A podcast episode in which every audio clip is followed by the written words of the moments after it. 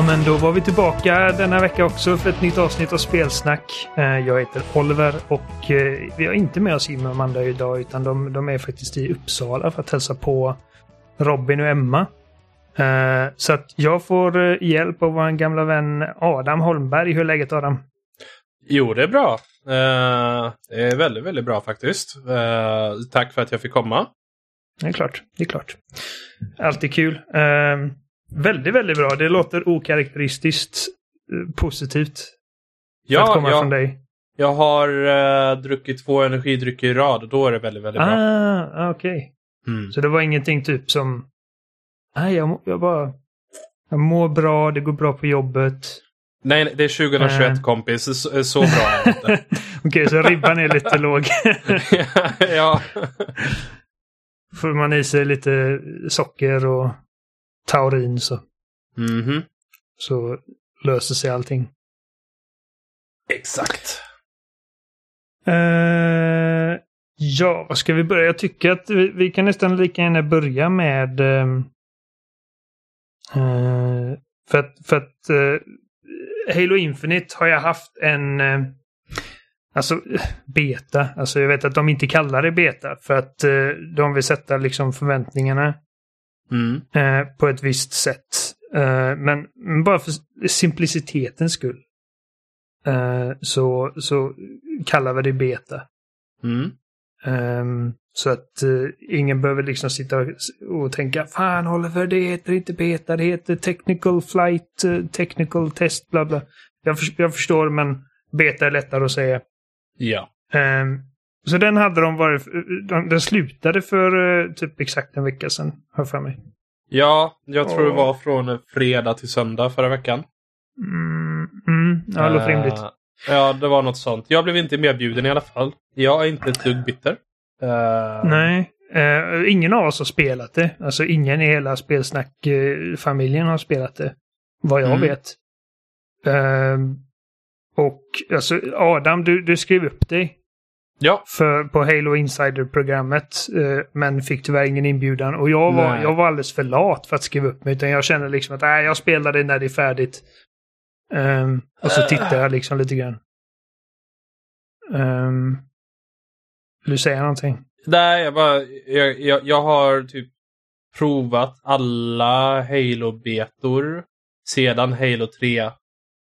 Eh, och jag, jag, jag vet inte, det känns som en liten tradition liksom prova på lite innan det släpps.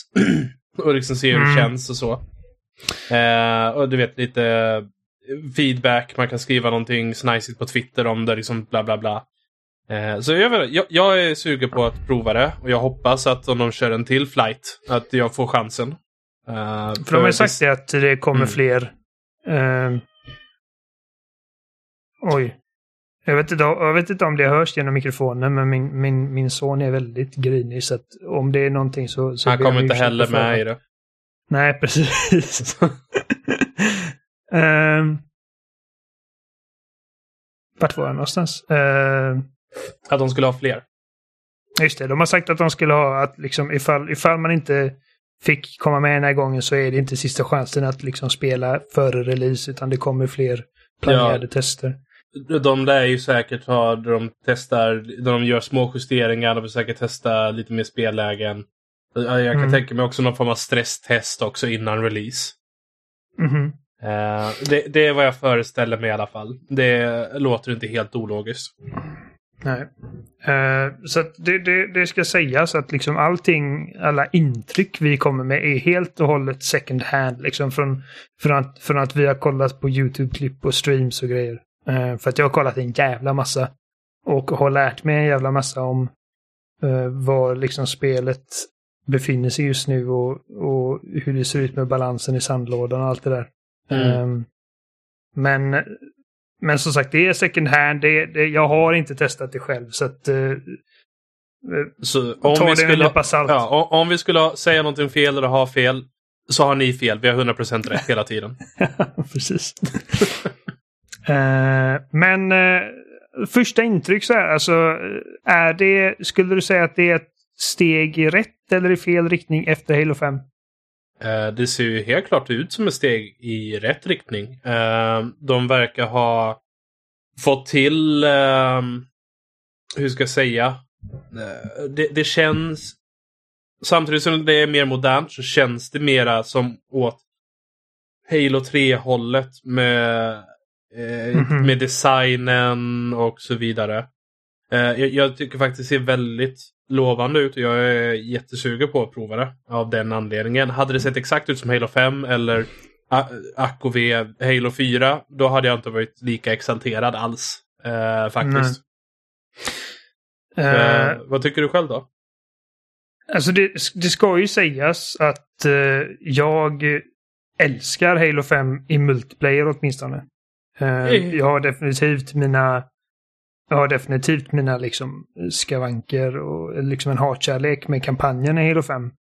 Uh, men multiplayer tycker jag är liksom alltså, så här, åtminstone i när det kommer till den liksom tävlingsinriktade, liksom super try hard, liksom uh, competitive, uh, alltså klassiska Halo, bara Slayer först till 50, Red vs Blue och liksom Assault Rifles och hela den shebangen så tycker jag att Halo 5 är liksom det bästa spelet i serien. Bara för att det känns så... Uh, jag älskade liksom hur, hur tempot har dragits upp och uh, vad de gjorde med olika liksom som man kallar enhanced movements. Mm. Um, med det sagt så, så, så jag älskar Halo 3 i multiplayer också. Jag älskar Reach. Kanske inte riktigt lika mycket nu för tiden som jag gjorde när det var nytt, men för att idag så har jag liksom lärt mig att hata liksom armor abilities lite mer. Armlock där, uh, det är ju den bästa någonsin. Mm, precis. Uh, så att uh, för mig handlar det inte så mycket om liksom ifall de har gått i rätt riktning efter Halo 5, för jag kände inte att de behövde liksom kurskorrigera på något sätt. Men jag är ändå pepp på, på riktningen de tar. Att de istället för att... Ja, det känns, man, man hade kunnat se dem ta massa olika riktningar med detta och, och det känns ändå tryggt att de eh, siktar lite mer på Halo 3. För att om det är någonting som det känns som att 343 vill säga, både med spelet, alltså kampanjen och multiplayer, är att de tar tillbaka formen till liksom Bungie-skolan lite mer. Mm. Um, för att men när, när, de, när de ärvde varumärket efter att Bungie gick vidare eh, från Microsoft och gick till Activision för att göra Destiny.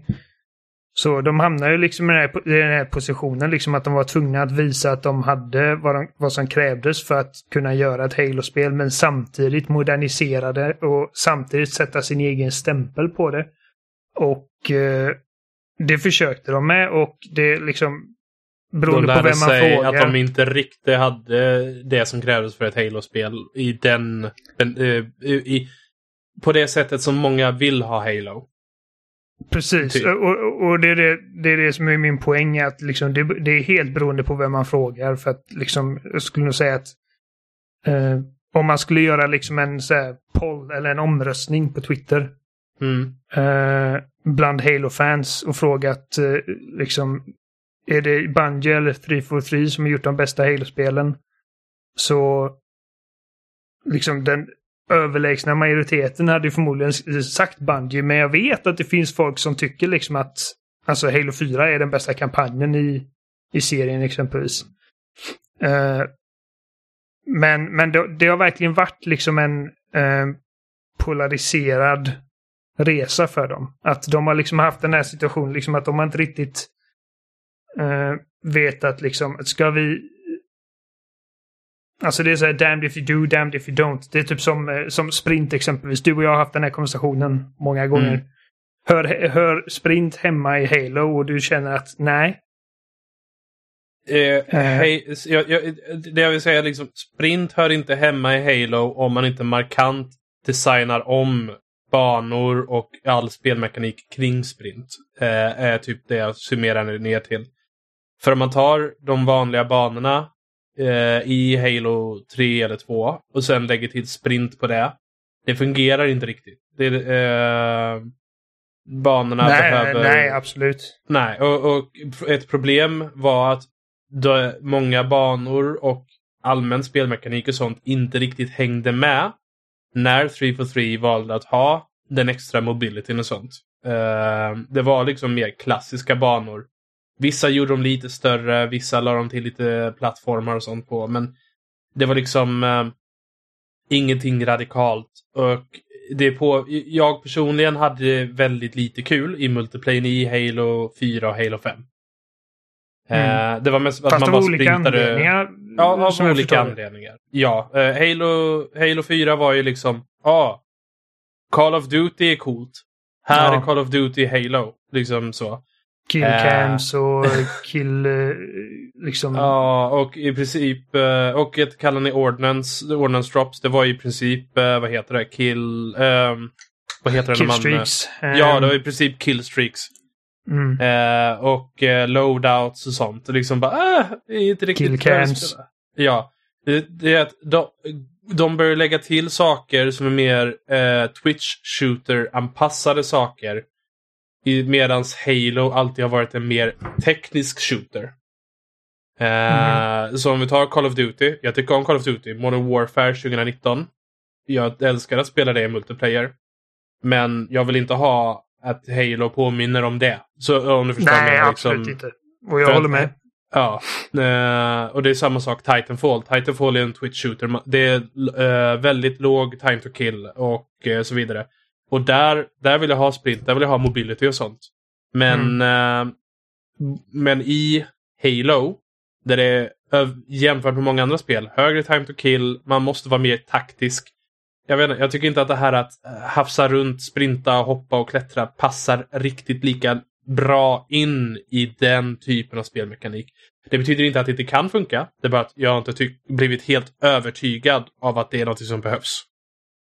Nej, och, Eh. och, och, här står jag i denna frågan. För jag, jag har alltid argumenterat för sprint. Eh, helt enkelt för att det bara, alltså, även när jag spelade första Halo eh, i, eh, alltså när jag var yngre. Och man var på Halo, liksom den andra banan, den enorma öppna banan. Och jag av någon anledning eh, inte hade Warthogen med mig och jag bara alltså nu måste jag springa. Jag önskar jag kunde springa här just nu. Um, och sen så liksom bara att man är typ en, man är liksom en supersoldat och man kan inte göra mer än liksom en li- light jog typ. Det kändes alltid lite fel. Samtidigt så förstår jag, alltså jag, jag förstår ju vad du, vad du menar. Att det är klart att bandesign och sånt måste liksom designas kring det. Det, det, det tyckte jag att femman Och- gjorde jävligt bra. Och sen är det Eh. värt att nämna också att Halo i sig, anledningen till att man inte springer som en eh, superraket genom banan, det är också för att man ska känna att fordonen bidrar med någonting. Mm. Eh, det är ungefär som i... i det var, men det, är också, det var i samma diskussioner där man hade oändlig sprint i Battlefield 3 och 4 när det kom. För många känner att, men vad är poängen med att hoppa in i en bil om man ändå bara kan sprinta överallt? Eh, och så, så sprint i multiplayer-spel har varit en diskussion och långt och länge. Eh, och det är ju så att om, om vi säger att du hade kunnat sprinta hur som helst. Då hade du inte behövt en Warthog eller en Banshee eller liknande. Om det inte vore för att du vill ha extra firepower. Och fordon ska vara mer än bara extra firepower i så fall. Eh, alltså, fordonen jag. blir ju ytterligare viktiga utan sprint. Men jag skulle inte säga att de... För att en Warthog är fortfarande liksom betydligt snabbare än den sprintande Spartan. Jo, men om, Precis som... men om vi säger till exempel, men, men det är liksom istället för att vara 200% snabbare är man 25% snabbare eller liknande. Liksom så. Eh, liksom hur snabb ska man vara? Vad går balansen? Behöver man verkligen en fordon? Kan man inte bara ta flaggan i Capture Flag och springa hem igen? Liksom sånt. Eh, Mm. Det är där liksom, ju mer man tar ifrån de här extra sakerna, som eh, fordon eller extra power-ups och sånt, ju mer man ger spelaren från första början, ju mindre behöver spelaren experimentera eller delta i till exempel att hoppa in i Warthog med ett gäng för att ta sig till andra sidan banan eller liknande. Eh, men, men jag är också en sån som älskar Big Team Battle. Jag, det är typ my bread and butter när jag vä- växte upp med Halo. Och där Eh. följer ju Halo 5 isär lite. För Ja. de- Dels för att det var det jag sa förut med vad, vad jag älskar med Halo 5 och det var Mm. just den här arena-biten. För att eh, Big Team är en viktig del av liksom the overall package. Även om jag spenderar 90% av min tid i alla Halo-spel med vanlig liksom 4v4 Slayer så är ändå de 10% liksom resterande på Big Team är ändå liksom jätteviktiga också. Ja, och det var ju någonting som var unikt med Halo när det, när det är liksom den multiplayern. Mm. Med att eh, man hade det som är tajtare multiplaybanor men också de mer öppna med fordon eh, och typ com combined arms-strider nästan. Eh, och det är också någonting som liksom gjorde Halo så pass unikt.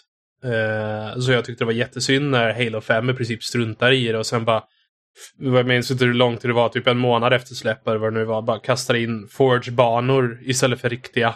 Uh, ja, Forge-banor, ja precis. Ja. Och för den som inte vet det, Forge-banor är alltså Forge är läget där man kan snickra ihop egna banor med liksom generiska typ byggklossar. Vilket är, mm. det är ett jävligt imponerande läge men det, ja, det ger för, ju inte den här liksom... Nej, för, för communityn är Forge bland det bästa som finns. Mm. Uh, och det är någonting som uh, är, är saker som Bungie verkligen uh, visade hur saker kan vara bra saker kan vara i multiplayer-spel och communities. när de introducerade Forge och så. De var verkligen pionjärer ja. när det kom till att fostra online communities. Ja, det, det, är det. Det är det många, det är också någonting jag antar att många yngre idag inte riktigt tänker på. Är hur, mycket, hur stor del av multiplayer idag har Halo eller Quake att tacka med hur ja. multiplayer ser ut idag. Med uh, community-skapat material, community överlag och sånt.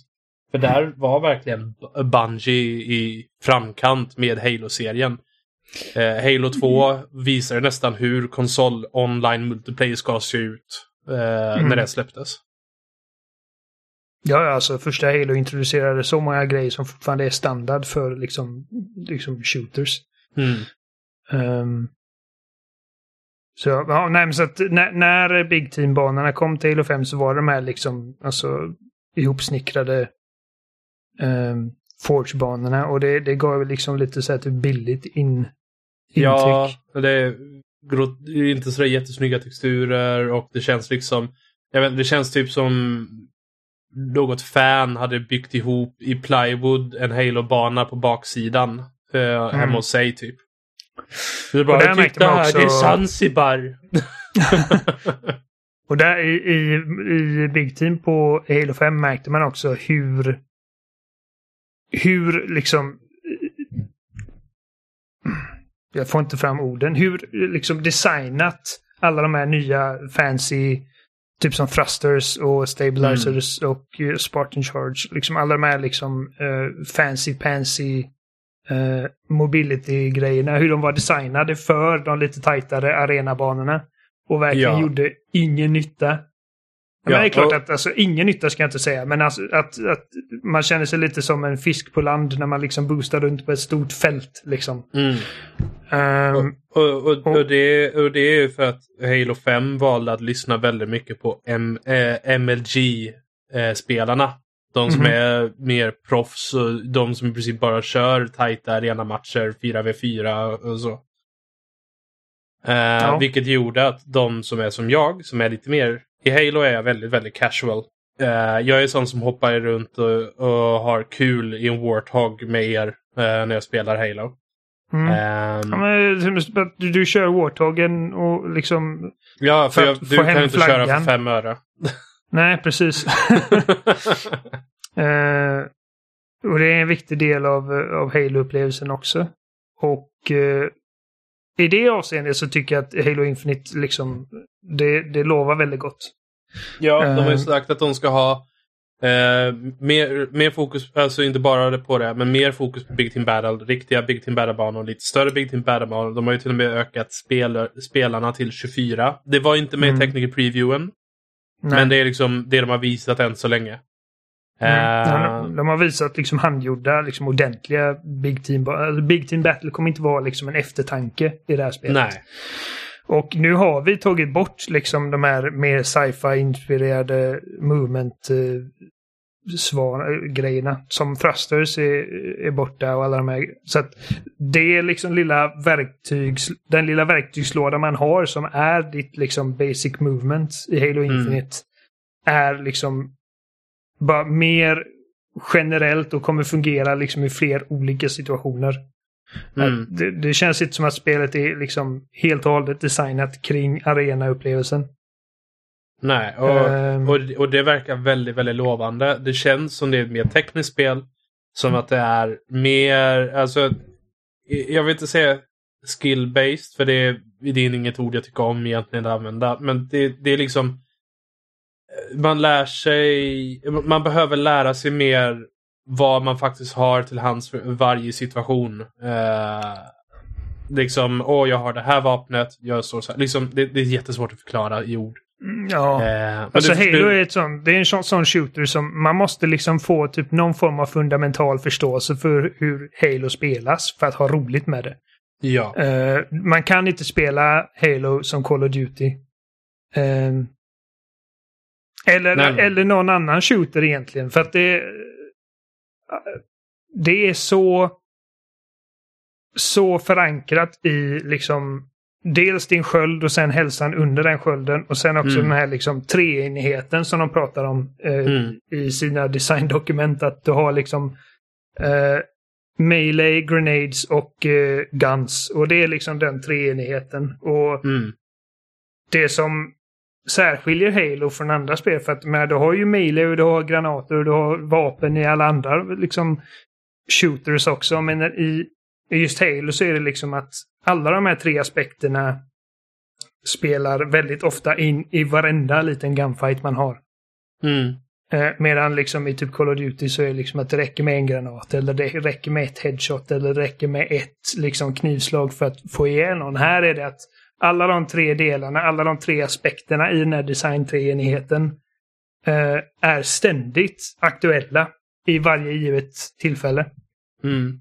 Och men, så, bara en sån sak som att granater i Halo generellt inte används för att döda fiender utan det är liksom för att mjuka upp dem.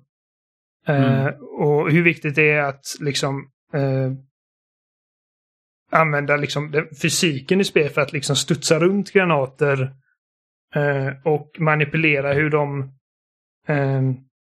Alltså fusen på granaterna för att liksom få in en explosion på en fiende innan han ens ser dig och sådana grejer. Mm. Um, och uh, Ja, alltså så, så medans jag, men jag älskade Halo 5, det, det är förmodligen det spel som jag har mest timmar i någonsin. Men uh, jag spelar mycket jag har spelat mycket Master Chief Collection nu senast och framförallt mycket Halo 3 och jag tycker fort, alltså det känns också fortfarande bra. Alltså det, det känns inte gammalt det spelet. Nej, nej. Vilket och, är otroligt för det är 14 år gammalt. Väl? Ja, ja, ja. 2007, ja. Mm, mm. Hur, vilket år Precis. är det? Åh gud. Ja, nu känner jag mig gammal. Varför så sa du så? 14 år gammalt. uh, det håller gud. fortfarande. Liksom. Ja. Uh, och... Uh, så, så det gör mig ingenting att de här liksom fancy movement options inte finns längre. Egentligen. Nej. Och, um, och jag måste säga att det, det är när vi har spelat Halo 3 är det spelet som jag har haft roligast i och det är inte bara för nostalgins skull. Utan det är mer för att de fick till så mycket rätt och att när de alltid i Bungie försökte liksom i Halo Reach lägga till den här fjärde delen. Då var det armor abilities.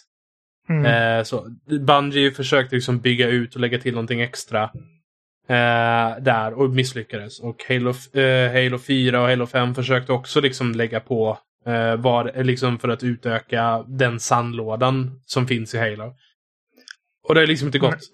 Men, men det är spännande de, de med Armor Abilities för att eh, ja. alltså, nu när jag har sett mycket från Halo Infinite. De har ju, dels har de tagit tillbaka equipment från Halo 3. Att, alltså eh, ja. grejer de... du kan plocka upp precis som o, vilket power weapon som helst för att, för att använda. De har ju bland annat den här liksom inte bubbelsköld utan det är typ som en liten barrikad du har.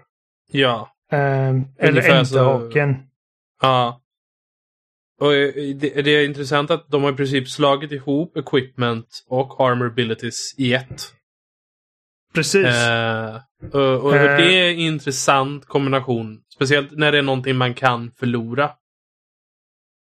Uh, ja. så, så är man slarvig och dör så kan någon annan plocka upp det och använda det och så.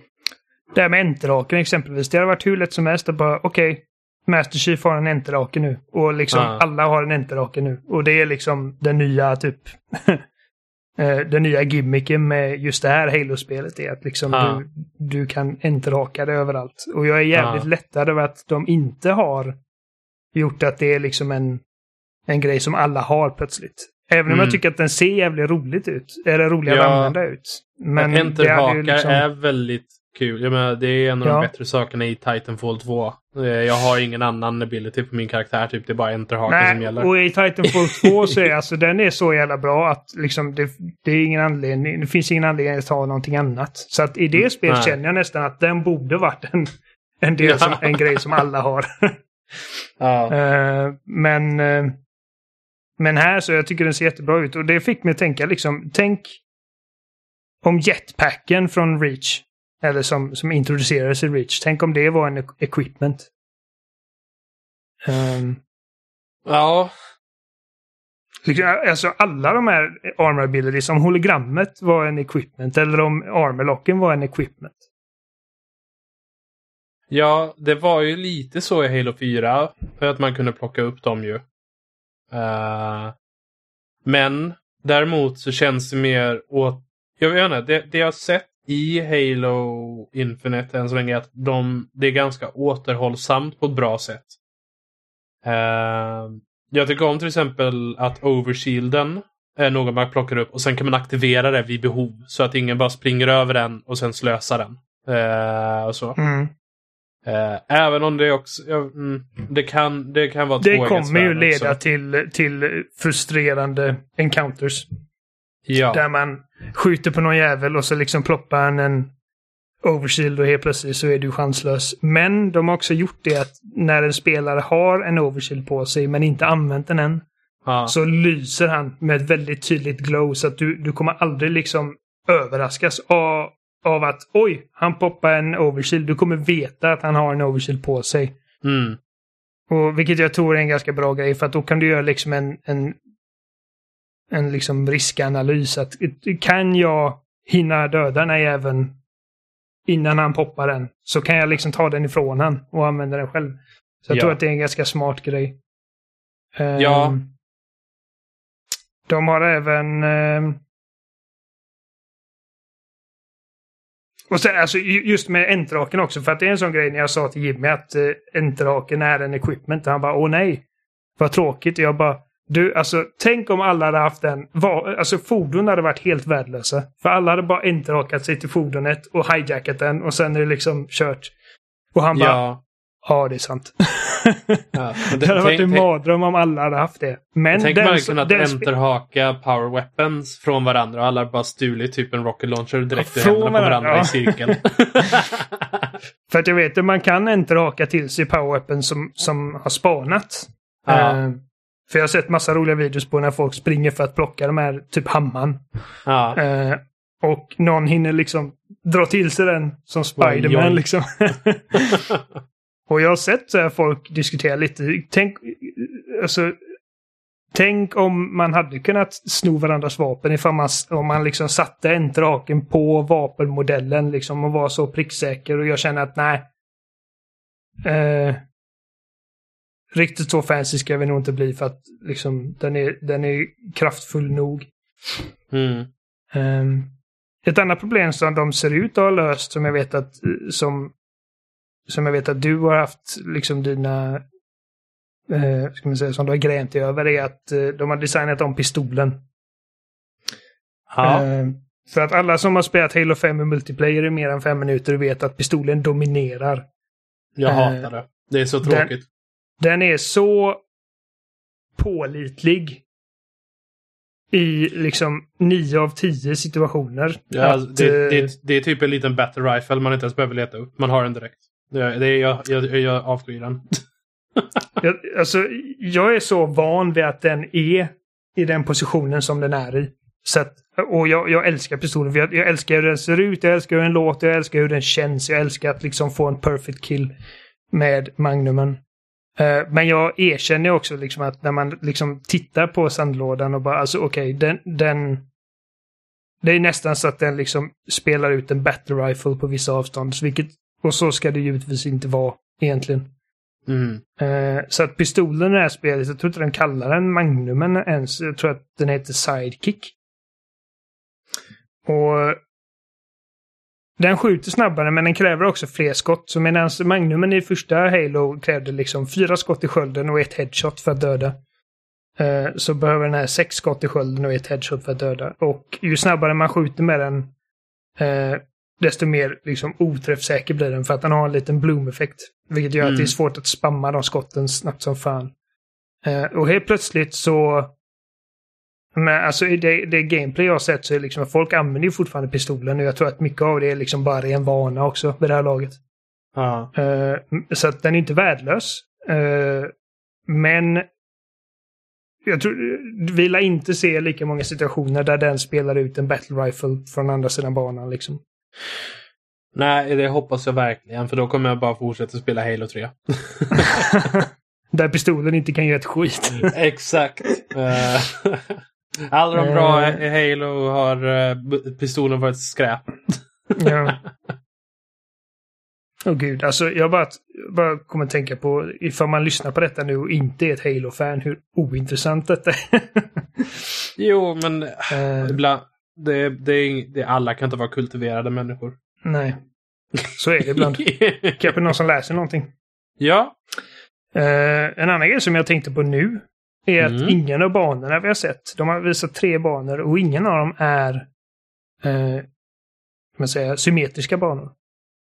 Vilket också var lite av en, en grej med femman att åh, nästan alla banor är symmetriska. Vilket är liksom helt ja. rättvist, verkligen så här hardcore, competitive.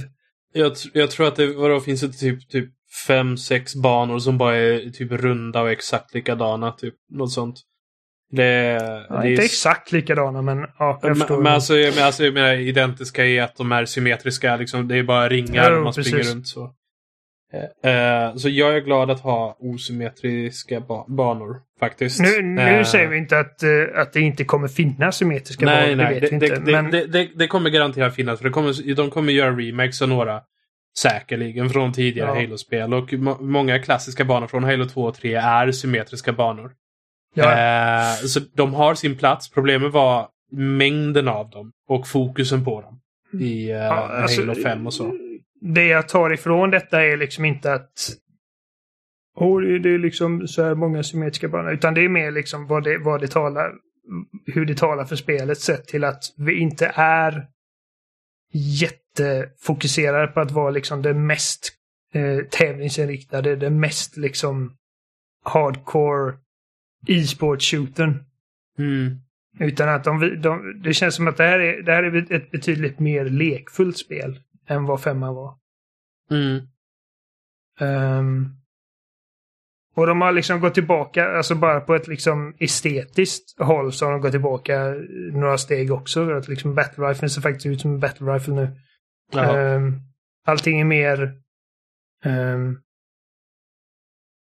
skulle säga mer liksom allting känns lite överdesignat. Liksom att det har mer simplare former och grejer.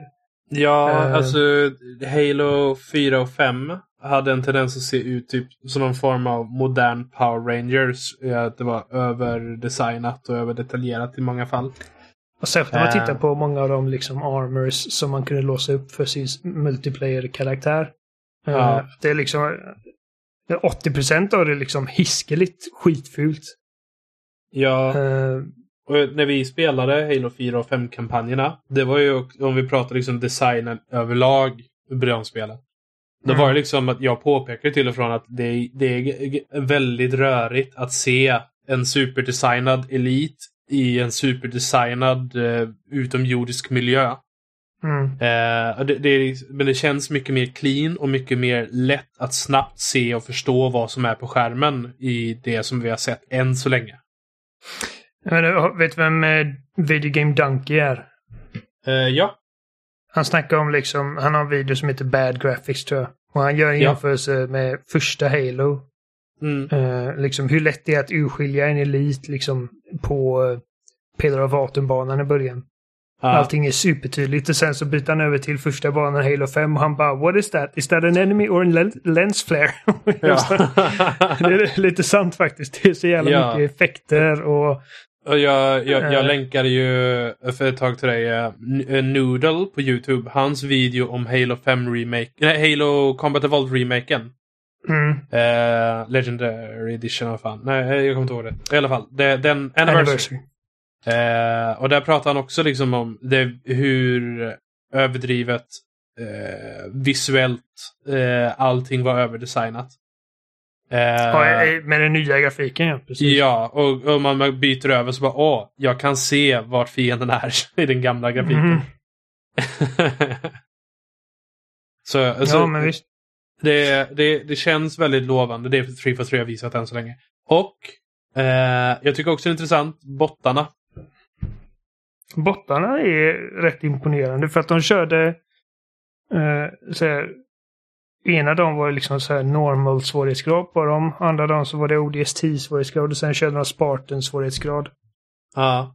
Och det var liksom vissa, liksom redan på ODST-nivån så var det att oj, jag blev fan ninjad av den här botten.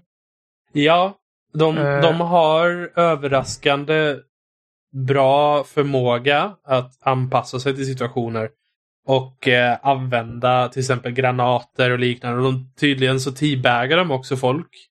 ja, jag har sett liksom, man har typ eh, rapporterat ett par fall där man har sett en bot teabagga någonting. Frågan är ifall det är liksom att det är medvetet eller om det är en bugg att den liksom... Men... Det, jag tror det är medvetet. Jag, jag slår vad?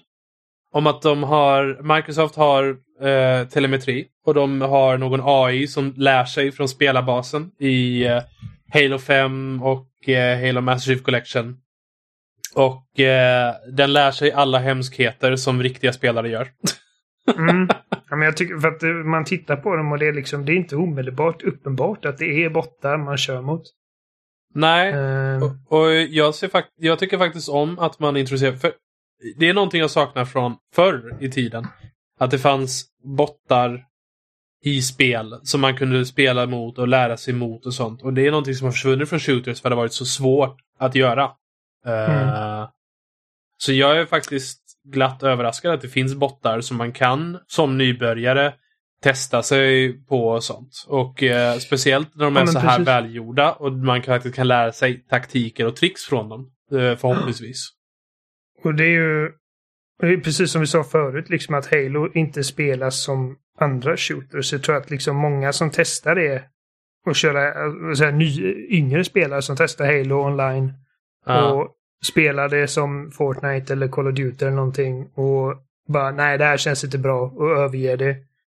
Eh, jag tror, alltså 343 vill ju givetvis att eh, liksom de som inte är vana vid hur Halo spelas, att de ska komma in också. Och det, det ser vi dels med att det är free to play, vilket gör liksom att vem som helst kommer kunna bara testa det. Eh, mm. Uh, och sen också att de har lagt till så här, typ som bottar exempelvis. Så att du, ifall du tycker liksom att är äh, det är lite läskigt, jag vill inte hoppa ut med liksom riktiga spelare, jag vill liksom bli varm i kläderna så har du bottarna som sen kan ställas in på olika svårighetsgrader. Och mm. de har även en sån här firing range där du kan testa alla spelets vapen där de har eh, liksom små så här typ eh, tutorialmeddelanden som liksom berättar att det här vapnet gör sig och så och du ska använda den på det här och det här sättet. Mm. För att det är ju någonting som är väldigt speciellt med Halo, liksom att det finns många vapen som eh, ska användas på ett visst specifikt sätt och om det inte gör det så, så kommer det inte vara roligt med det. Um, mm. Det är liksom alla som vet, liksom, när jag spelade Halo första gången uh, och fattade inte alls vad storheten var. För att jag sprang igenom hela spelet på Easy. Släppte aldrig Assault Riflen och bara höll in avtryckaren. Och jag rörde inte, liksom, jag rörde inte plasmapistolen med tång ens. uh, för att jag liksom sköt och sköt och sköt med den och ingenting hände. Men sen lär man sig liksom att plasmapistolen är liksom perfekt sätt att uh, dränera sköldar. Ah. Och uh, Uh, Assault Riflen är liksom, den är inte till för att göra precision shots uh, på längre avstånd som man faktiskt kan göra typ Call of Duty eller Battlefield. Utan det är mer liksom en närstridsgrej. Och hur, viktigt, liksom, hur viktigt det är att ha uh, olika verktyg för olika avseenden. Och det är det som jag tror att de verkligen vill att folk, folk ska liksom fatta vad, vad avsikten är med de här grejerna. Mm. Uh, och det är därför vi har så mycket med bottar och tränings uh, bootcamps eller vad det kallas. Mm. Nej, jag, jag, det känns väldigt lovande det vi har sett än så länge. Jag hoppas för att vi får se mer och eh, jag hoppas jag kommer med i nästa eh, tekniska eh, förhandstitt. Um, mm. För jag vill verkligen känna på hur det känns att spela. Däremot, jag tycker synd om de som spelar på förra generationens konsoler. Ja, just det. Ja. Uh, uh, för att uh, de, de får nöja sig med 30 FPS. 30 FPS och bas Xbox One kör dynamisk upplösning som kan bli ganska låg. Uh, och de har dragit ner på du vet, detaljrikedom och sånt. Mm. Och det känns överraskande med tanke på att vi har haft en hel generation av 60 FPS i Halo. Eh, med Master Chief Collection och Halo 5. Så jag tror, jag var också lite förvånad när, när eh, jag såg det. För jag tänkte liksom att aha, men det här var vi baslinjen. Och det är den baslinjen som nu sen byggs vidare på till nästa generation. Eh, just för att Next Gen-versionen skulle ha liksom upp till 120 bilder per sekund på Series S och X.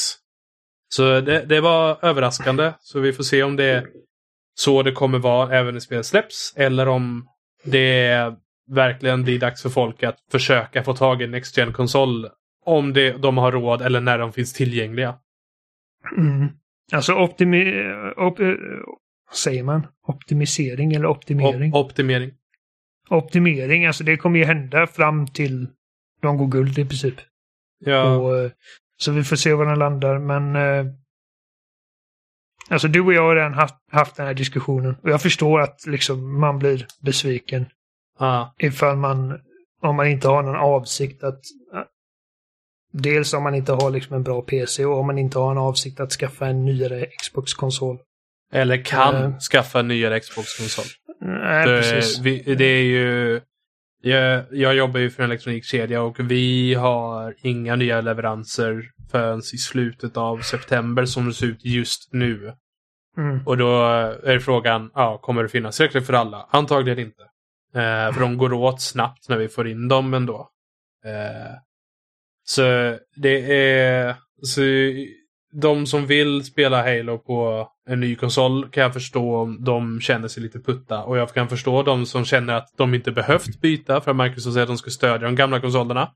Att de känner att de får en väldigt undermålig upplevelse. Eh, för 30 FPS mot någon spelare i 60 eller 120 FPS i, respons i responsivitet och så. Det är ljusår i skillnad. Uh, så jag tror att jag... Eh, den punkten där både du och jag var överens var att vi, alltså jag, jag känner att alltså, de borde bara lagt ner den gamla last gen-versionen. Ja. Och, och, gjort detta till ett liksom Series S slash X och PC-spel. Ja. Mm. Om det liksom var tvunget att vara sådana eh, att de var tvungna att dra ner på saker så pass mycket. Eh, men vi får se hur spelet blir när det släpps på riktigt. Um, men uh, ja. Nej, jag, alltså, jag såg eh, liksom på Di Digital Foundry så var John Linneman där. Han, han ja. formulerade på ett annat sätt. Han liksom tyckte att det var goda nyheter för att det betyder att uh, Series X-versionen inte nödvändigtvis då hålls tillbaka av uh, Xbox One-versionen.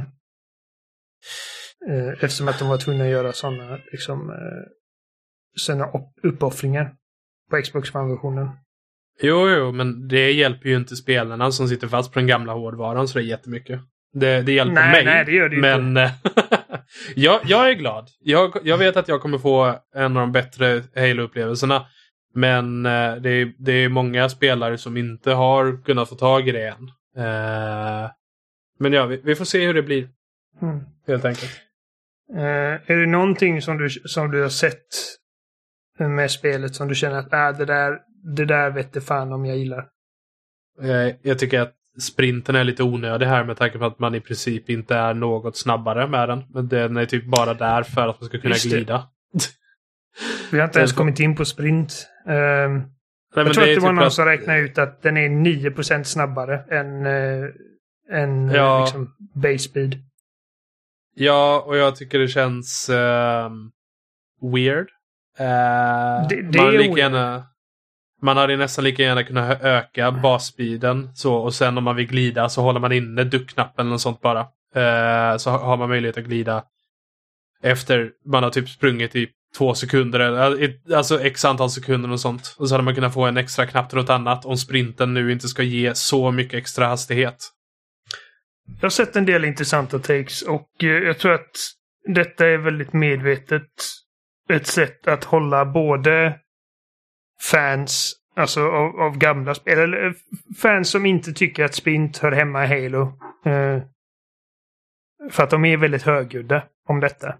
Ja. Att man håller båda, både de fansen och bara liksom vanliga människor som, som förväntar sig att kunna sprinta i ett modernt FPS.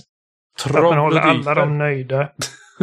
eh, med liksom den simplast möjliga kompromissen. För jag har sett att många, liksom, många människor som du eh, som har liksom ifrågasatt ifall Halo verkligen behöver sprinta.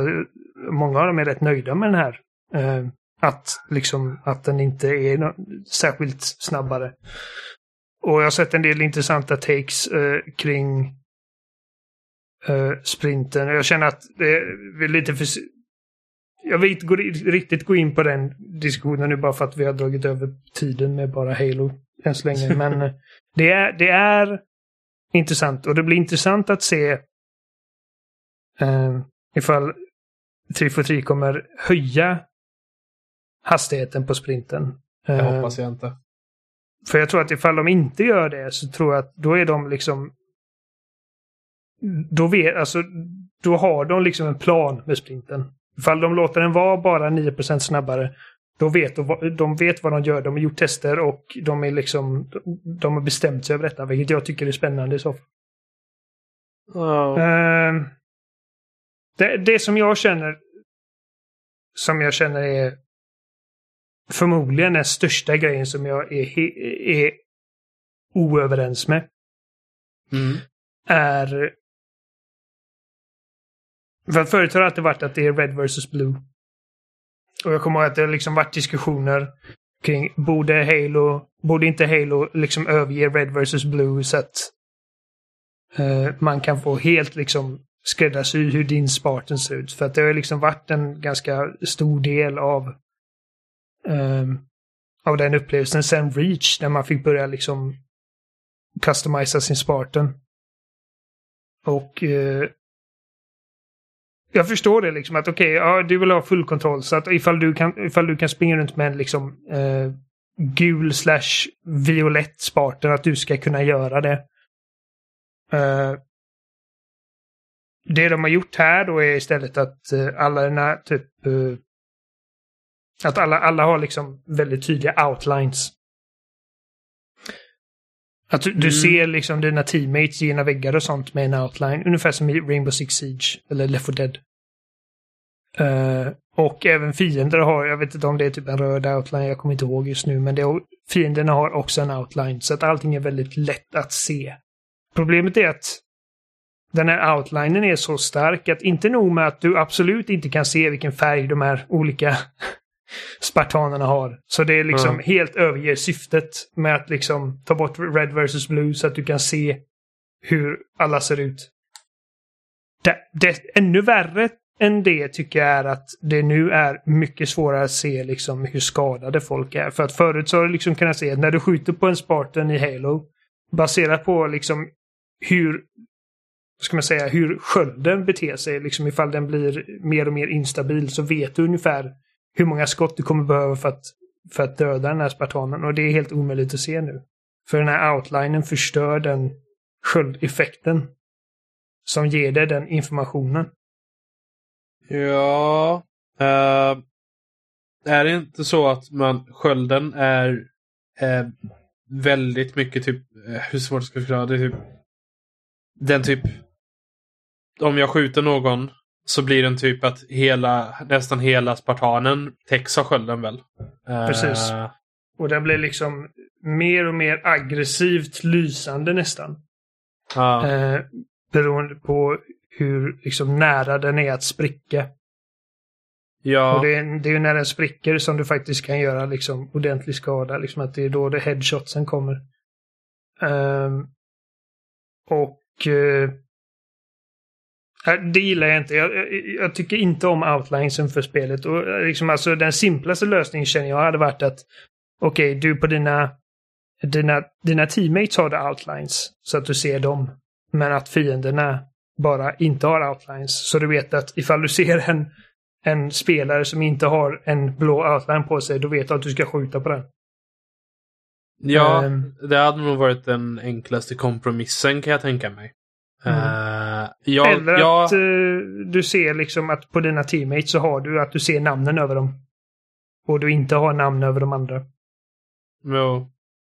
Uh, ja, ja jag, jag tror att namnbrickan hade nog varit... Uh, jag, jag, jag har inte varit jätteförtjust i att man bara ska förlita sig på namn i spel. Uh, till exempel. Det, det, det, är någonting för att ibland är det att det buggar ur och inte dyker upp direkt eller det är någonting som... Så, så jag, jag blir mest förvirrad om det, man måste utgå från just namnbrickor. Uh, mm. ja, det, det, är inte det bästa alternativet. Nej. Det var så, bara... Ja. Så jag vet inte. Jag personligen hade klarat mig om det var klassiska Red vs Blue igen. Uh, mm, jag med. Jag, jag bryr mig inte så mycket om cosmetics. Det enda spelet jag bryr mig om cosmetics, det är Destiny 2. Det är det enda spelet jag bryr mig om att se snygg ut. Du vet att i alla andra spel så tar jag alltid den fulaste armorn jag kan bara för att ja. det ser kul ut. Jag vet. Uh... och du gör de fulaste gubbarna i karaktärseditorn. Och... Ja. Ja. Uh, gud. Men i alla fall, det är, det är, den typen av spelare jag är. Jag förstår också att Microsoft vill att man ska kunna se eh, folks coola skins och sånt. För att det är så de kommer att monetisa med Ja, de vill ju sälja grejer. Ja. Precis. Men det är också så, liksom att jag, jag bara ja. ser så många människor som, alltså, jag kommer ihåg på, eh, när, jag tror det var NeoGaf eller Resetter eller någonting, där de ställde den här frågan, borde vi överge Red vs Blue? Och det var rätt många som kände att ja, det borde vi. För att jag vill liksom se mina grejer. Jag vill liksom ha mina färger. Um, jag kommer typ vara bara lila och grön ändå. Den vackraste kombon av alla. Uh, typ. Så att uh, det med outlines är verkligen, det är någonting jag hoppas att de kollar på för att jag, jag tycker att det blir det är otydligare än någonsin. Bara liksom när jag tittar på när folk spelar. Jag kan tänka mig att jag hade varit ännu mer förvirrad ifall det faktiskt var jag som spelade. Och jag är färgblind mm. också så att... Uh, ja, jo. Det, ja. Och sen gillar jag inte att det inte är Friendly Fire på. Jag vill ha Friendly Fire i Halo. Vill du verkligen det när du spelar med ja. mig? Ja, det vill jag. Alltså, jag, det, det är jobbigt när du kommer och tacklar mig i ryggen. De har Men, tagit bort eh, Spartan Charger ju. Så ja. nu kan jag inte Spartan Charger i ryggen längre. Eh, tack och lov. Mm. Uh, men alltså det är bara så, det är så många roliga situationer som uppstår när det finns Friendly Fire på. Liksom, man typ råkar all döda friendly hela fire då? Så att om vi säger att du står i en grupp av fiender och skjuter med en rocket launcher. Är du osårbar då också? Ja. Du, du kan inte döda mig. Uh, Drygt. Och så var det i Halo 4. Att Friendly Fire var av i Halo 4. Uh, eh, och jag tror de satte igång det igen efter ett tag. Jag kommer inte ihåg. Men uh, så var det till en början i alla fall. Um, och det kan hända liksom att de kommer ha på det när man kör ranked. Att det är Friendly Fire på då. Men att det liksom i social är av. Och det är okej okay, känner jag. Då, det kan jag leva med. De kan alltså men... Call of Duty en hardcore spellista. ja. Ja, men det, det lovar gott, Halo Infinite. Och ja. jag, jag, har nog aldrig sett, jag har nog inte sett Halo-communityt så här liksom bara, ska man säga, eh, Levande. sammanställt, liksom ja. nöjda eller excited. För att för, förut har det alltid varit liksom att, eh, i alla fall med Halo 4 och Halo 5 och de här, sen mm. Halo 3 i princip så har det alltid varit liksom uh, att det varit lite 50-50 säger för att folk är nöjda med riktningen. Men nu är det liksom att den största majoriteten av alla jag ser på Twitter och på YouTube i kommentarer och grejer liksom det är verkligen känslan att Halo is back liksom. Så det är kul. Ja, eh, får se bara när vi får ett freaking release-datum också. Ja. Och din teori är att de väntar på att eh, Call of Duty ska utannonsera sitt? Ja, vi, vi är i augusti och vet fortfarande inte när årets Call of Duty ska släppas. Jag tror inte vi har varit med om det innan. Vi har inte ens hört talas om. Alltså de har inte visat något. De har Nej, inte det har bara, det har bara en- varit rykten om att det ska vara andra världskriget och att det kommer en ny andra världskrig-bana till eh, Warzone. Men mer än så vet jag inte. Nej, det... De kanske har problem där på Activision. Ja, Eh, eh, ja alltså jag, jag har ingen aning om vad Activision håller på med med Call of Duty längre. Det är typ, det, allting håller på att sväljas av Warzone. Eh, ja, det, det var mest en peak från mig angående vad som hände på Blizzard. Och, ja, Ja. ehm, ja, ja. men vi får se. Vi lyckades prata i typ nästan en timme om bara Halo Infinite och vi har inte ens spelat det. Nej, Ehm, det här är vad jag säger liksom när, när folk frågar mm, räcker det med att vi bara har typ ett eller två samtalsämnen? Ja, det räcker. Eh, vi har ju, jag tänkte att vi skulle prata lite mer Dead Space också. ja. Eh, för att eh, jag vet att när det utannonserades så pratade vi jättesnabbt om det på podden. Mm. Ehm, vi har inte gått in så mycket på det. Sen dess så har jag faktiskt påbörjat ett nytt varv i första spelet. eh, bara för att fräscha upp minnet lite. Mm. Jag vet att du har också startat lite grann. Jag startade och jag, jag har kommit... Eh, en, jag är nästan klar med andra kapitlet nu. Så jag har liksom fräschat upp lite om eh, kontrollerna och det i allmänhet och så. Men jag, jag kommer ihåg ändå hyfsat mycket från originalet. Fortfarande riktigt bra. Det är fortfarande riktigt bra spel. Eh, 13 år gammalt och fortfarande, alltså... Faktiskt ganska snyggt. Ja. Eh, jag känner att spelet egentligen inte behöver en remake. Ja, jag med. Mm. det enda anledningen till att jag eh, kan se att de vill ha en remake är att storyn i originaltrilogin slutade väldigt udda. Eh, och att det är lättare att börja om en serien än att försöka klura ut och fortsätta från den. Mm. Alltså, jag, jag vet att även jag, jag och Jimmy har pratat om det här i flera år nu. Att eh, vi helst av allt vill vi ha ett nytt spel, men, men framförallt att vi inte är så intresserade av att se liksom eh, Isaac Clarks berättelse fortsätta. Och Necromorphs känns också som att de är liksom gjorda nu. Så att eh, det vi hade helst velat se är vad, vi, vad, vad, vad jag känner liksom att eh, originalskaparna av eh, första Dead Space, att, att det är det de gör nu, liksom The Callisto Protocol. Det är vad jag känner att det, det har jag velat ha, liksom någon form av andlig uppföljare på Ja. Dead Space. Där vi inte känner till allt om den här liksom alien-varelsen. Eh, hur de beter sig och vad vi ska förvänta oss. För att jag vet att även när jag spelar remaken nu så liksom den här necromorphen kommer inte skrämma mig på samma sätt som den skrämde mig när jag spelade första spelet första gången och inte visste vad jag skulle förvänta mig. Men det är också någonting, när jag, när jag spelade, nu började jag spela on. Jag tycker inte att Dead Space 1 egentligen är så hemskt läskigt. Nej, inte jag heller. Det, det är väldigt mycket billiga jump scares. Det, man ser monstren ganska tidigt. De kommer där och skriker och "Rah!" så. Utan det... Det- som Dead Space 1 har bäst av, det är eh, inlevelse med, när man spelar, bra kontroller och så. Eh, och Atmosfär. atmosfären. Ja. Eh, det är typ 90% av det spelet. Atmosfären var med i skeppet Ishimura och så vidare. Och ljuddesignen var någonting utöver det vanliga. Jag vet, det finns, det finns bra Mm. YouTube-videos som bara liksom ljuddesignen i det spelet. eh, och hur mycket det gjorde för upplevelsen. Ja. Jag vet att eh, det är många som, alltså jag har hört folk säga typ att Dead Space höll på att bajsa på mig. Typ, det var typ ett av de läskigaste spelen jag någonsin spelat. Uh, ja, jag, jag, jag blev, första gången jag blev riktigt rädd i Dead Space, det var sista mellansekvensen. När det är den här liksom jätte...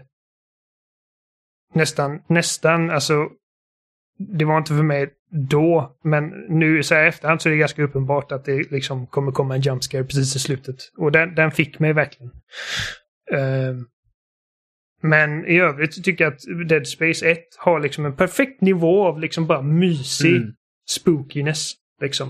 Att du är lite on edge. Liksom. Du, du, du tar inte de här korridorerna nonchalant. Utan du är, du är beredd liksom.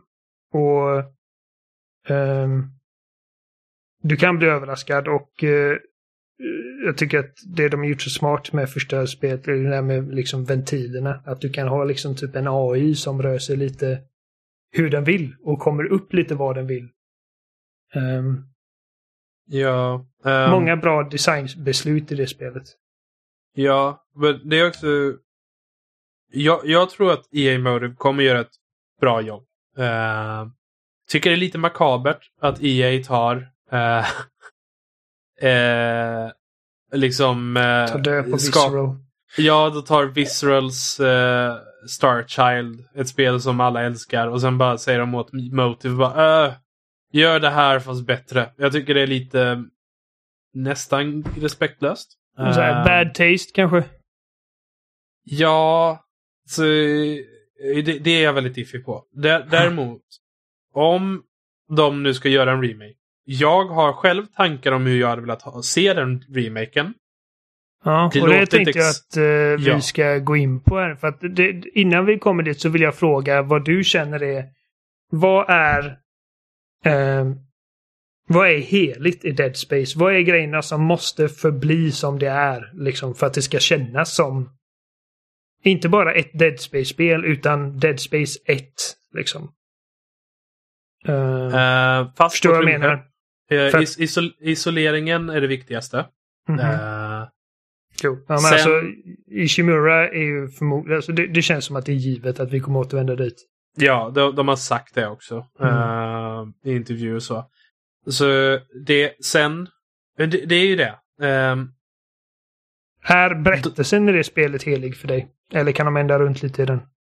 De kan ändra runt lite. För eh, Tycker du att spelet borde, liksom att premissen borde vara att du spelar Isaac Clarke, du är en ingenjör som ska laga det här skeppet och din fästmö eller flickvän är på det här skeppet. Och du vet inte vad som har hänt med henne. jag kör gärna Isaac Clarke igen. Flickvännen bryr jag mig inte så mycket om. Eh, jag, jag glömmer alltid bort hennes namn till och med. Eh, Nicole. Ja. Utan huvudsaken är liksom att, okej, är- man är på Ishimura. Om man nu ska göra en remake av ettan. Eh, och man är Isaac Clarke. Jag tycker faktiskt om Isaac Clarke, även om han är en bit med trä i uppföljarna. Ehm, jag tyckte att han hade ändå ganska mycket kroppsspråk eh, som karaktäriserade honom. Man kan se när han är nervös och orolig och sånt. Eh, Jag gillar att liksom- han i början, innan allting går åt helvete, ja. Så går han väldigt rakryggat. ja, och sen Och- börjar han huka sig och se sig omkring. Och Han, han går med jättedålig hållning resten av spelet. ja. Han går nästan lite fram, framlutad. Eh, ja. eh, jag... ehm, alltså det är väl egentligen de enda grejerna. För att jag har ingenting emot med att man ändrar saker. Uh, men däremot så skulle det liksom... För om de gör exakt samma spel igen. Ja, nej, fast men de det- liksom bara... Bara de bara Åh, nu har vi ingen laddningstid liksom mellan banorna. Jag bara, det, det bryr jag mig inte om. Nej. Utan det jag hade velat se är att de ändrar tillräckligt mycket så att det är en ny typ av upplevelse. Ehm, vet, du, vet, vet du ett spel som jag tycker de ska titta på om man vill göra en ny generation av Dead Space och eh, så? Resident Evil 2. Eh, eh, ja, typ. Men jag tänkte Prey 2017. Ja, ja. Mm. Jag tänker för där, för antag, de, de nämnde i en intervju med IGN att de typ tittar på saker som ah, hur vi vill göra med Zero G och sånt. För i Dead Space 2 och 3 så kunde man flyga i Zero G i rymden för att man är gravitation och sånt. Och har kommer, och då börjar jag tänka, då börjar jag tänka direkt på att eh, du vet Talos Station i eh, Prey. Mhm. Där man successivt låser upp mer av den här rymdstationen och man låser upp genvägar när man kan åka ut genom rymden och in genom luftslussar och sånt. Mm. Om de tar ett sånt designkoncept. Så det är lite, lite typ Resident Evil 2 där man lär sig genvägar och sånt också. Ehm, att vi har eh, just i Ishimura, vi tar oss fram. Det är inga laddningstider. De vill inte ha några kam ka- camera cuts eller något sånt. De vill ha det ungefär som God of War eh, där. Ehm, och att de har liksom att vi låser upp mer av stationen.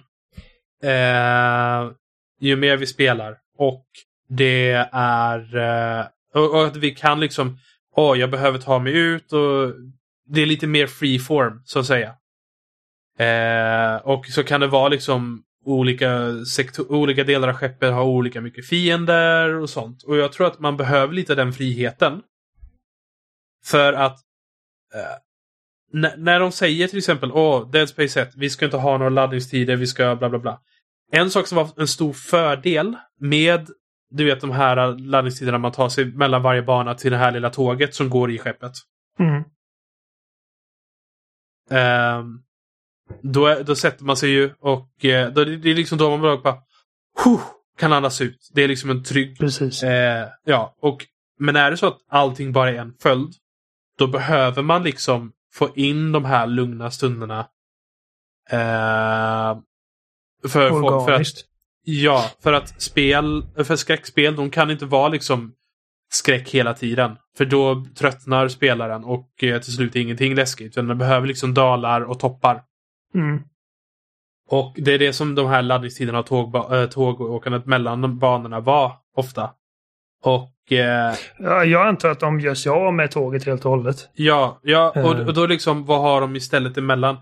Och då tänker jag att vi har liksom att vi kan vara mer freeform, att vi kan utforska skeppet mer. Antagligen kommer de inte göra det, men det är så jag hade velat ha det. Eh, att, eh, så att man vet liksom, okej det här området är lite hyfsat säkert, inte helt säkert, men man kan liksom andas ut och man kan liksom planera hur man vill gå, lite mer survival i det. Eh, och så. Så Det är hur jag hade velat ha en remake av Dead Space för att jag ska känna att det är mer värt det. Eh, för om de helt enkelt gör, ah, vi har Dead Space 1 fast nu utan laddningstider och vi kan göra lite mer som, de, som eh, Visceral fantiserade om eh, för att vi har teknologin. Det är liksom, ja, okej. Men här, behöver man verkligen göra en remake av det? Liksom, på, bara för det? V- vad har ni för nytt att bidra med? Jag vill se Ja. någonting lite mer radikalt än bara samma spel igen fast med tekniska uppgraderingar.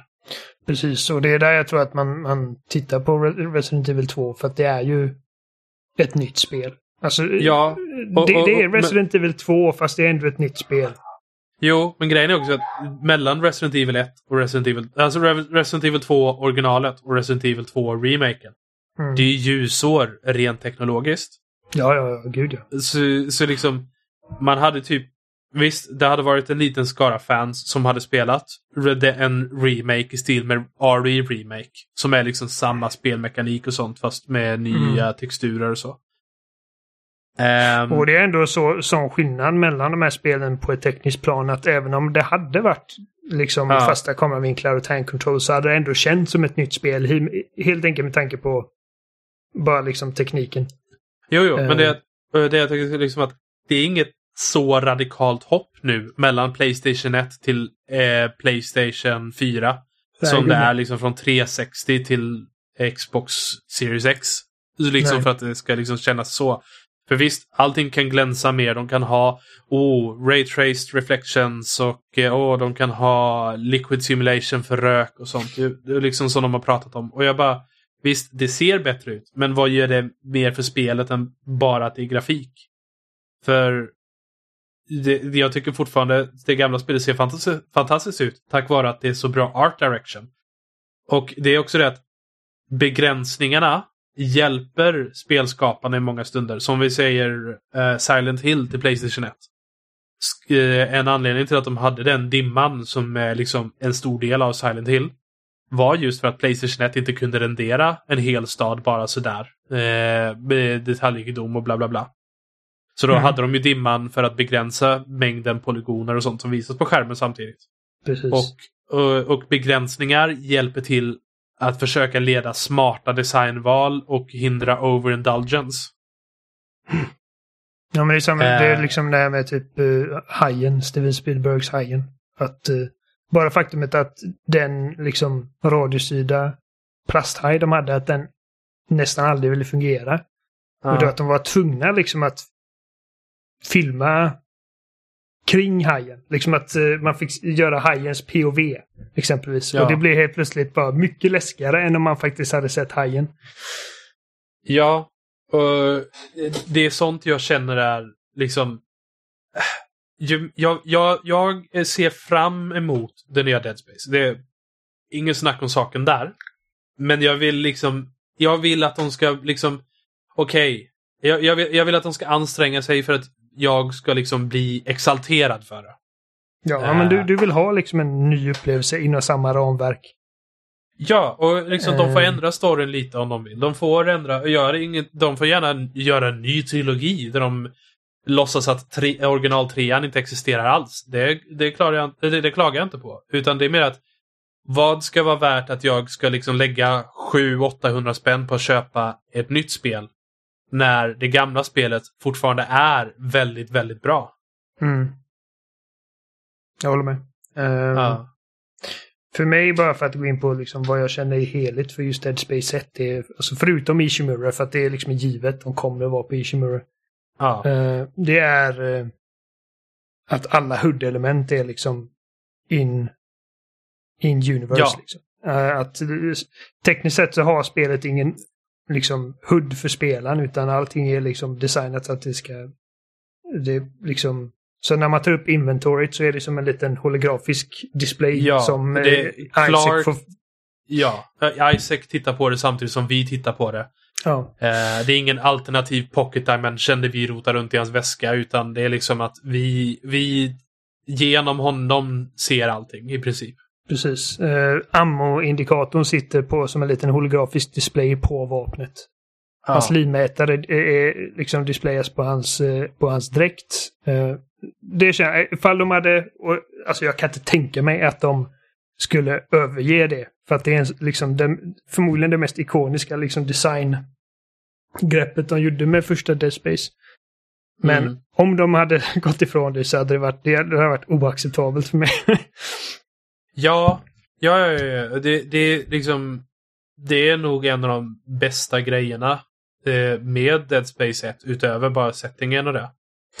I alla fall, det... sagt, om man typ jämför det med andra spel i samma genre. Um... Ja, det, det är ganska fantastiskt och jag tycker om när spel har en form av minimal HUD också. Dead Space gjorde det ett kort tag, i vissa fall lite mer populärt med minimal HUD och sånt. Mm. Uh, så det, uh... det, det håller jag med om. Det hoppas jag att de fortsätter med i remaken.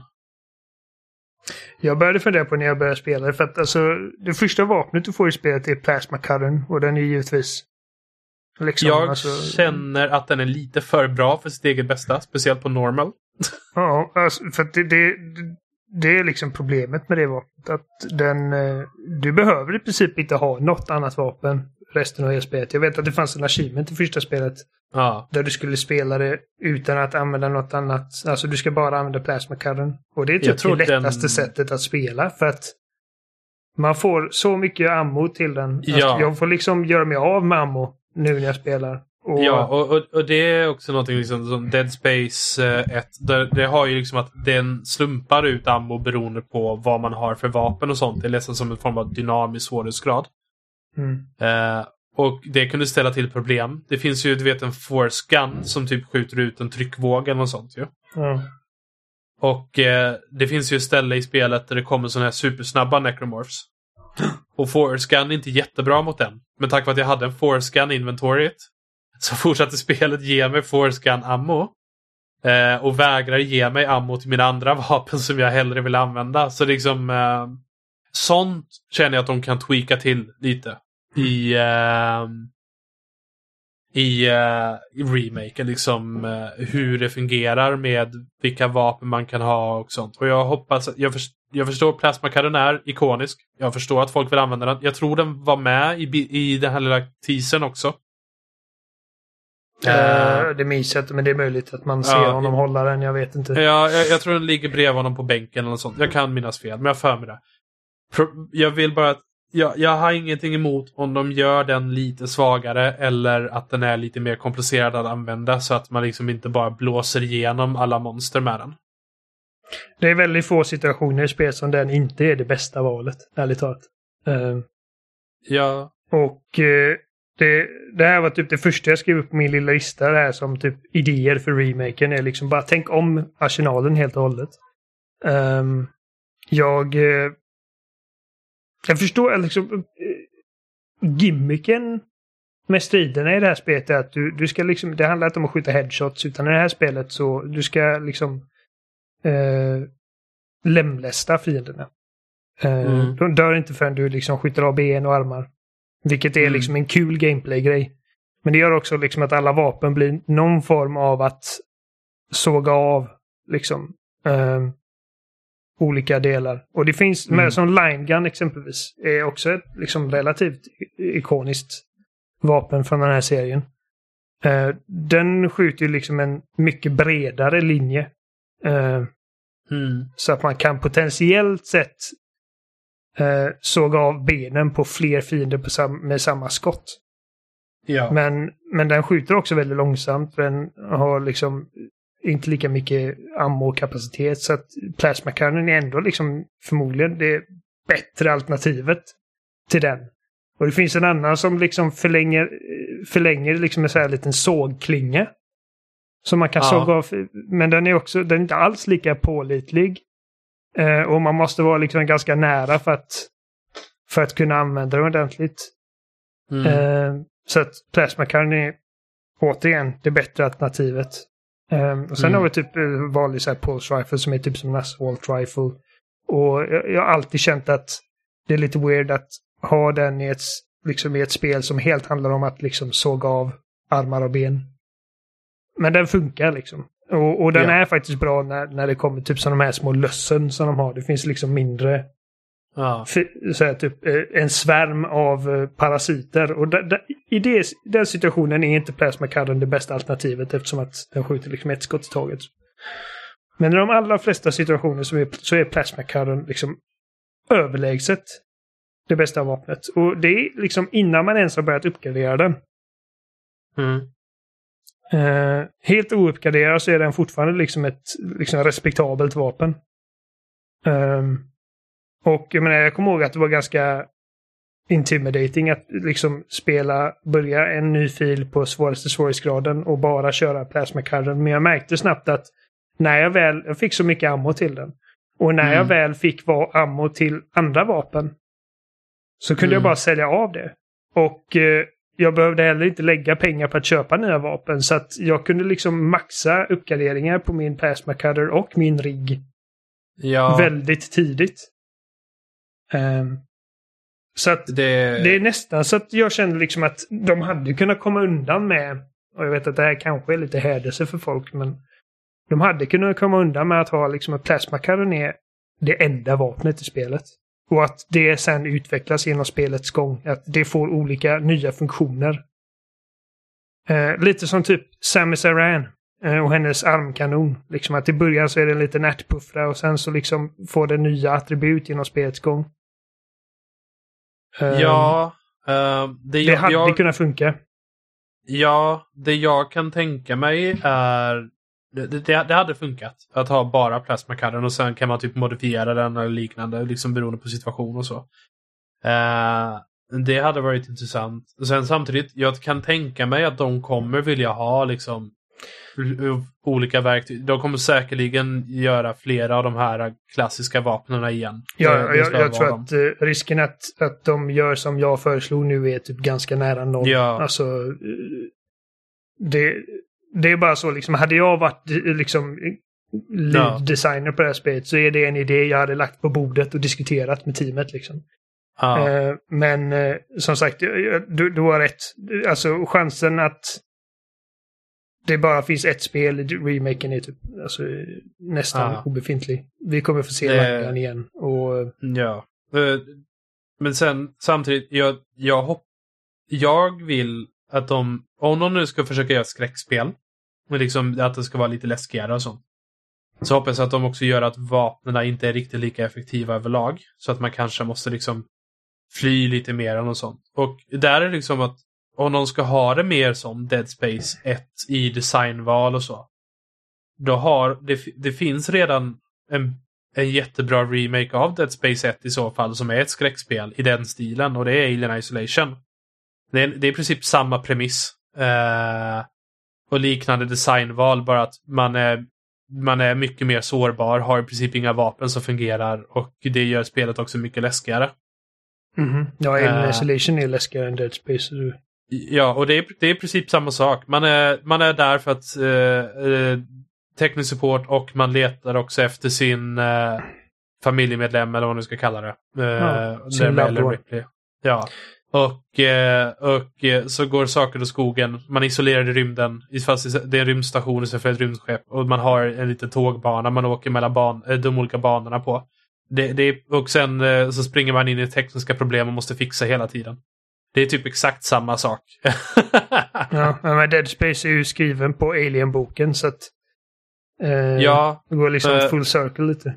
ja och, och det är det som får mig liksom att okej, vi har Alien Isolation. Det är därför jag vill att Alien-remaken, nej, Dead Space-remaken ska gå mer far out i eh, hur det fungerar. Och det passar också med att den går far out. För du, du, du, du, du har koll på vad eh, Dead Space-teamet arbetade på innan de gjorde Dead Space va? Eh, när de var Redwood Shore? Ja. Eh, nej. De Alltså inte gjorde- precis innan. Nej, de, de, de började med att göra prototyper och sånt för System Shock 3. Och Ja, ja. System, Shock, eh, System Shock är ju att man är ofta ute i rymden på eh, en rymdstation eller liknande som har gått åt skogen. Eh, så, och det är typ eh, science fiction, Metroidvania in space. Eh, typ. Eh, och som jag nämnde, Prey är ju en andlig uppföljare till System Shock också. Så Mhm. jag, jag tror att liksom de arbetade på System Shock sen, sen så släpptes eh, Resident Evil 4. Och då tänkte de Fuck yeah, vi vill göra någonting sånt. så typ anpassade de projektet och gjorde om det till eh, skräck third person shooter. Eh, så för mig hade liksom att, ja, gör åt det hållet. Liksom så, om, om man vill liksom ära lite av eh, Dead Space eh, ursprung, eller vad du vill säga. Ja, så att eh, liksom Prey- Prey-modellen hade liksom passat tematiskt. Ja, och jag, jag tror att det är också ett, det bättre sättet att särskilja Dead Space från Dead Space, men även andra spel som redan har inspirerats av Dead Space. Mm. Eh, så det är liksom det jag hoppas mest på. Jag, tr- jag tror inte de kommer göra det, men jag vill att de ska göra det. För det hade varit så coolt om vi hade haft, liksom om vi låser upp mer och mer sektioner av skeppet och olika sätt att färdas på. Och så vet vi att oh, i det här området är det där nekromorfen som helar sig själv hela tiden. Jag vill gå runt det här eller liknande. Eh, och sånt. Eh, där det finns också lite mer taktiska val av spelaren. Eh, med hur vi tacklar så. Samma sak du vet som i, också i Resident Evil 2-remaken. När vi liksom, okej, jag vill ta mig från härifrån till därifrån. Men jag vill inte bli slagen i ansiktet av Tyrant för mycket. Jag, då är det den här vägen som är det bästa och snabbaste typ. Eh, att det finns det här att man får mer utrymme till att liksom försöka tänka efter och inte bara liksom va- det, för Dead Space 1 är ganska linjärt. Eh, Mm. Och det är inget dåligt. Det är bara att det är just det att det har varit linjärt. Och om de ska göra en remake och ändra på saker, gör det lite mindre linjärt. Så. Det var en annan idé som jag började leka med. Liksom. Vad händer om man tar bort den här vägvisan? För att om man, om man håller inne höger spak så tar Isaac upp handen och han får liksom en liten linje som visar exakt vart han ska gå. Och jag förstår liksom att eh, det är för att, man, liksom för att minska frustration. För att man vill inte att liksom, spelaren ska gå vilse för lätt. Ehm, men... Ja, alltså jag, jag, hade, jag hade kollat på sätt att eh, låta spelaren utforska Ishimura snarare än bara upptäcka. För att du gör, inte, du, du gör liksom inget utforskande i det här spelet eftersom att du alltid hand, liksom handmatas med vart du ska någonstans. Du, det är omöjligt att gå vilse. Ehm, och Jo. det du gör är liksom att du, du, du utforskar inte utan du upptäcker grejer. Och eh, Uh, jag menar, tänk om... Uh, liksom, sätt in den vägvisaren i Prey exempelvis. Um, men inte, inte för att det inte är liksom för att det är är det också liksom, det är, det är inte omöjligt att gå vilse men, men uh, där är det ju heller aldrig övertydligt om man ska säga. Nej, uh, det, man kan ju ha en, way, waypointer har för mig som visar vart man ska gå uh, i Prey. Men en fördel med Dead Space är att den är ju diegetic så det är en del av spelvärlden. Det jag kan tänka mig är uh, för, an, för anledningen också till att de ha, hade det, det är liksom att ja, spelet är väldigt linjärt. Vi, vet, vi vill att spelet ska ta sig åt rätt håll. Men det visar ju också liksom, okej, okay, jag kan gå in på eh, och utforska den här toaletten utan att råka trigga nästa story moment eller något sånt. Mm, uh, jo, precis. Så, men, men däremot äh, öppnar man upp spelet mer så att det är mer mm. utforskande överlag. Då kan jag tänka mig att man, eh, då är det nog då är det nog lite lättare uh, att kunna skippa det. Annars så kan jag tänka mig, du vet, uh, att man kan ha typ uh, att man kanske kan låsa upp i uh, varje sektion så, så kan man låsa upp typ, man, man återaktiverar typ datorn eller bla bla bla i den sektionen. Och sen om man vill kanske man kan typ gå till en väggpanel och bara bip bip bip visa mig vägen till X eller Y. Åh, oh, följ den här uh, grejen. Liksom så. Du vet att man kan själv om man vill starta det Eh, så det att det syns i spelvärlden. Att ha liksom, för att bygga vidare på det här med liksom in-universe HUD-grejen. Uh, att, ja. För att om man säger typ om du går vilse på, på ett köpcenter exempelvis, då går du och hittar en sån här tavla som visar här är du. Liksom. ja. Och gör liksom sci-fi versioner av den där du har liksom ett interface där du kan typ okej okay, jag vill gå till uh, liksom uh, säga, the medbay. Och så säger ja. man okej, okay, här har du nu på din på din eh, liksom heads-up display så har du liksom vägvisningar. Ja. Alltså att göra det mer liksom organiskt så att du hela tiden är eh, den som är i kontroll över hur du navigerar den här, liksom, eh, det här rymdskeppet. För jag vet liksom att när man är klar, eller mot slutet av Prey, så kan du liksom Talus One. Du har liksom Utan en, till... Ja, alltså du vet hur man, de snabbaste vägarna, du, du känner liksom, du har den kartan i huvudet liksom. Att du har instinktivt lärt dig att navigera den här, den här stationen. Ja. Det, och jag har inte liksom en typ uh, undermedveten karta över Dead Space, alltså inte på långa vägar. För att där är jag liksom aldrig särskilt brydd över liksom vart, vilket håll jag är på väg. Eller vilken del av kartan liksom. Ja. Alltså jag vet ju liksom exempelvis, okej, okay, nu är jag liksom i typ uh, uh, labbet exempelvis. Mm. Men jag har liksom ingen typ... Eh, jag hade inte kunnat navigera det stället utan till. Uh, Nej. Uh, och det är ju trots, och då återbesöker man ju ofta äldre delar av spelet uh. uh, under spelets gång. Men det är fortfarande liksom bara, eh, använder vägvisaren. Problemet Dead Space 1 har en helt tredimensionell karta. Som man kan gå in och kolla på. Men jag, jag har aldrig använt den. För att det finns ingen anledning. Uh, det enda Eftersom... gången jag använt den är för att se liksom hur långt ifrån en sparstation jag är. Det är typ mm. det jag använder den till. Där, ja, att, där, där känner jag också, däremot, eh, tvåan hade ju samma navigationssystem. Däremot så kunde du välja själv vad du ville navigera till. Du kunde välja om du ville komma till en sparstation eller närmsta säljstation eller liknande. Precis, uh, och eh. jag känner att uh, ta bort den som bara visar vart du ska. Och ha att du alltid kan hitta till en save station. Eller en... Eh, eller att, du kan, eller att du har typ eh, att du kan märka ut åh jag vill till engineering. Men inte exakt vart du ska i engineering. Precis. Ja, ja. men alltså det, det, är liksom... Eh, det är också en idé. Alltså liksom bara... Eh, gör någonting sånt här.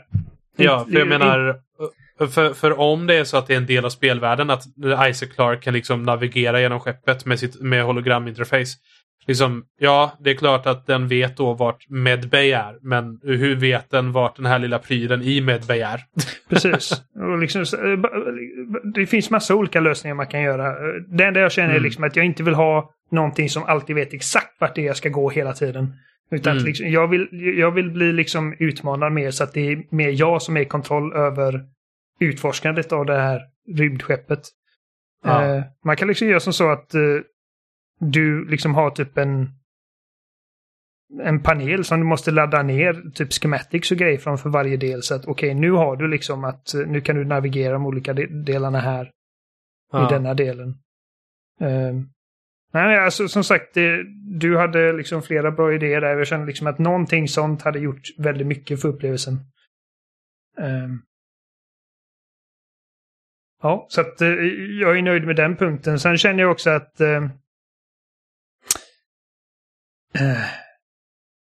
jag hoppas att de inte är, rädd, liksom, att de inte är rädda för att liksom, hitta på nya grejer. Uh, dels hitta på nya monster, liksom nya former av Nej. nekromorfen. För att den här liksom, liksom klassiska typ uh, ha stora liksom typ liearmar och grejer, alltså den liksom generiska nekromorfen. Den skrämmer mig inte längre riktigt. Uh, jag har dödat det för beror, många. Det beror lite på hur farliga de är. Om, de är, om det är typ en necromorph på steroider som är ett faktiskt hot eller kanske navigerar spelvärlden på ett bättre sätt. Då, ja, för jag tycker att necromorphen är en väldigt bra design. Ja, absolut. Mm. Men däremot är det så att den typ uh, kan liksom kasta sig in i lufttrummor och gömma sig och luras och hitta på och sånt. Och att den faktiskt är riktigt dödlig på nära avstånd. Så att man måste liksom försöka plocka dem eh, och springa iväg från dem och sånt.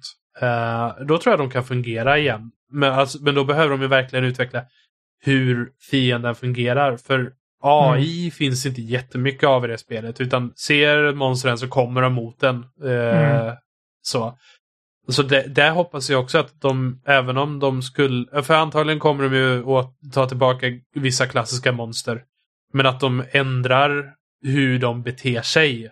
Eh, eh, väldigt mycket så att man eh, så att varje monster kräver en, eh, olika från spelaren. Ja, alltså, någonting krävs för att, liksom, för att de ska kunna liksom skrämma upp mig eller göra mig stressad med Necromorphen. För att liksom, jag har haft tre spel och jag har spelat inte trean lika mycket, men tvåan, att ettan har jag kört liksom säkert tio gånger om. Och jag jag är så liksom van vid att döda necromorphs att liksom det behövs någonting liksom. Eh, det, det, kan vara att de liksom designar om eller designar nya fiender eller designar om gamla fiender eller liksom tittar på mm. hur de beter sig. Hur de, som du sa, liksom hur de, hur de får dig att äh, agera på dem. Liksom, någonting krävs, känner jag. För att det ska ja. kännas spännande igen. Um, jag, jag... Vet, jag hoppas att de gör som med Dead Space 3, att varenda gång ett monster dyker upp, att det är första gången ja. så zoomar kameran in på monstret supernära så man ser exakt hur det ser ut. Det var en sån dålig idé. Liksom, dels så får man bara liksom en... För varje gång det kommer ett nytt monster i första Dead Space, det, det händer liksom och du tvingas liksom hantera det. Eh, som första gången man ser exempelvis den här, den här typ fladdermusliknande krypande grejen som omvandlar lik till nya necromorphs. Ja. Uh, det är ingen mellansekvens eller någonting, den bara dyker upp. Du har aldrig sett den förut, den bara dyker upp och sätter sig på liket. Och ja. du liksom instinktivt, liksom gamerhjärnan kickar in och du förstår att okej, okay, den måste jag döda innan den konverterar alla de här liken här. ja. Uh, oh, Dead Space 3. Ja, uh, gör absolut inte så i remaken att liksom varje liksom, ny fiendetyp får liksom en introduktionsmellansekvens. Där man liksom ja. får tid på sig att analysera och tänka. Som det vore Devil Devil med Cry-skurka eller något sånt. Ja, precis. uh, men, det, och, tycker inte du också det är ganska fakt att alla nya typ EA-spel som släpps, att de verkligen måste klargöra när det inte är mikrotransaktioner i spelet. Ja, alltså det är den båten de har satt sig i för att folk, annars kommer folk omedelbart fråga. Ja, att, det är så, uh, Speciellt med tanke på hur mycket trean förstördes. Ja. Um, ja, precis. Så att alltså... Det, det är ju bara liksom ett sätt för dem att liksom omedelbart göra det klart att okej, okay, ni behöver inte fråga. Nej, det finns inga mikrotransaktioner. Uh, Ja, det är bara att det, det är synd att den ska behöva nämnas. ja. Uh, vad var det mer jag tänkte på? Jag tänkte, alltså melee-attacker, jag vet antingen ta bort dem helt eller bara gör någonting som känns. För att uh, Alltså stompen, dels så har du liksom att du vevar med dina armar. Och sen har du en där du stampar på marken och stampen har ju i alla fall lite av en effekt i och med att du kan dels testa ifall liket som ligger på golvet lever eller inte. ja. Utan att slösa ammo. Eh, men också så du kan liksom stompa på fiender som, som krälar och du kan stompa sönder lådor som innehåller loot. Eh, men eh, den vanliga liksom när han vevar med armarna, jag tror inte jag någonsin haft användning av den. Och inte ens när det är liksom typ som en liksom energicell eller typ en panel eller någonting som man ska slå sönder på väggen. Inte ens då funkar den, för det är som att liksom hela modellen liksom bara typ flyttas bak när man slår på väggen och den inte vet hur, man, hur den ska hantera geometrin. Um, ja, um, melee, man, man vill ju helst inte gå för nära monstren så det finns liksom anled ingen anledning att göra uh, det. Precis. Så det är nästan så jag känner bara ta bort den egentligen. Ja. Um, för att jag vill inte ha en liksom Resident Evil 6 situation där jag kan typ karatesparka allting till döds. uh, oh, nej. Bara känns dum. Um, och sen, alltså det här, det här känns ju givet nu, men jag har också skrivit upp liksom, var inte rädd för att introducera helt nya scenarion. För att liksom, alltså Dead Space-kampanjen består ju av en serie av grejer som måste lagas. Ja. Uh, och det leder till liksom, det är liksom spelets, ska man säga, uh, dramaturgiska kurva i princip. Liksom det är genom de här grejerna som behöver lagas som Åh nej, vi behöver ta oss till bryggan men tåget är sönder. Åh nej, mm. vi behöver det här kretskortet för att laga tåget. Åh nej. Åh, ja men de har ju liksom som, som vid ett tillfälle så och vi är på väg in i ett liksom asteroidbälte men vi har liksom vi har inga automatiska kanoner. Ah. Så du måste ta upp till kanonen och liksom först manuellt skjuta sönder asteroider men liksom fram tills de liksom kan börja fungera eh, automatiskt. Ja. Eh, och sen senare så Åh, luften på, på skeppet eh, håller på att förgiftas för att det är liksom någon typ parasit som, som skjuter ut gift i luften. Och du måste hitta de här liksom eh, ska man säga, sporsprutande äcklena. Eh, ja. Och Sen efter det så är det någonting med liksom stasis som gör att uh, fiender blir jättesnabba. Uh, så det, det, är liksom sådana här ny, nya grejer som introducerar nya spännande gameplay-scenarion. Och det, där hoppas jag liksom att de inte bara kör samma serie av events exakt. De, de, de mm. behöver inte ta bort all, liksom allting och göra om det, men liksom ändra på det lite, introducera nya grejer.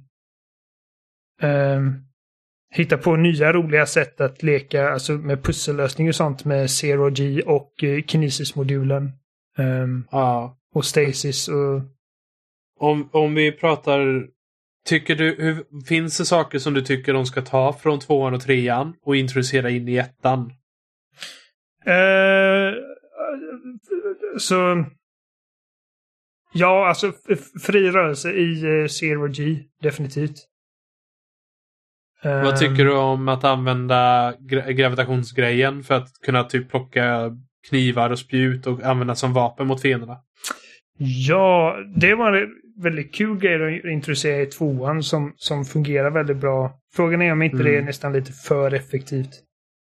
Det är ju det liksom. Hur, hur mycket ska de lägga till i så fall? För att jag tycker tvåan är riktigt, riktigt bra. Ja. Uh, men det är ju också mycket mer action-inspirerat mm. än ettan. Och då, då, det, det, kommer nog vara svårt för dem att ta sig i kragen, att inte lägga till allting som var liksom coolt och kul från tvåan och introducera in i spelmekaniken i ettan. Ja. Um... Ja, men alltså i, i, i det liksom ramverket som är ettan, så, eller tvåan, så tycker jag att det här med att liksom skjuta av armen på en necromorph och sen använda kinesis för att skjuta tillbaka den och spetsa fast den på väggen, det var jävligt roligt. Och eh, de, de balanserar ut det med att liksom du hade mycket mer fiender på skärmen i tvåan än vad du har i ettan. Uh, så att du kände liksom, man kände sig inte helt ostoppbar i tvåan för det heller. Uh, mm. Jag är varken emot eller för just det där, faktiskt. Att använda kinesis som ett vapen. För att jag känner att jag... det, det har helt jag med balansering att jag hade, hell, jag hade gärna sett det kanske som en late game-uppgradering. Eh, ja, fall. att uh, telekinesisen är typ så här seg och långsam som den är i första spelet och sen så får man liksom ja. en uppgradering till den så den blir liksom som poff. Ja, när, när ja. the stakes is higher eller något sånt så kan man ha det. Ja, men det hade, det hade kunnat funka. Ja. För i, vad, det, de gjorde, var det i ettan också där de introducerade vet, de här typ lite mörkare necromorphsen som tål lite mer? Ja, det är det, de har ja, så typ, när, när något sånt händer, att det, det liksom fiender överlag, då kanske man får en liten power boost genom det så att man kan ha lite mer Liksom något sånt har de kunnat göra. Jag, jag ser verkligen fram emot att se hur de vill tolka om spelet. Just nu, det de säger är ganska vague. Ja. Det eh. känns inte som att de är jättelångt in i utvecklingen utan att det kan dröja ett tag innan vi får se det. Ja, och det är så EA utannonserar spel. Uh, så, men jag hoppas det inte dröjer för länge. Uh... Man skulle kunna introducera det där med liksom att, att skjuta nekromorf-armar. Vi kan ju, vi kan ju liksom, vi har en sån, sån sak att det är bara de här svarta fiendernas armar som är starka nog att skjutas. Uh, jo.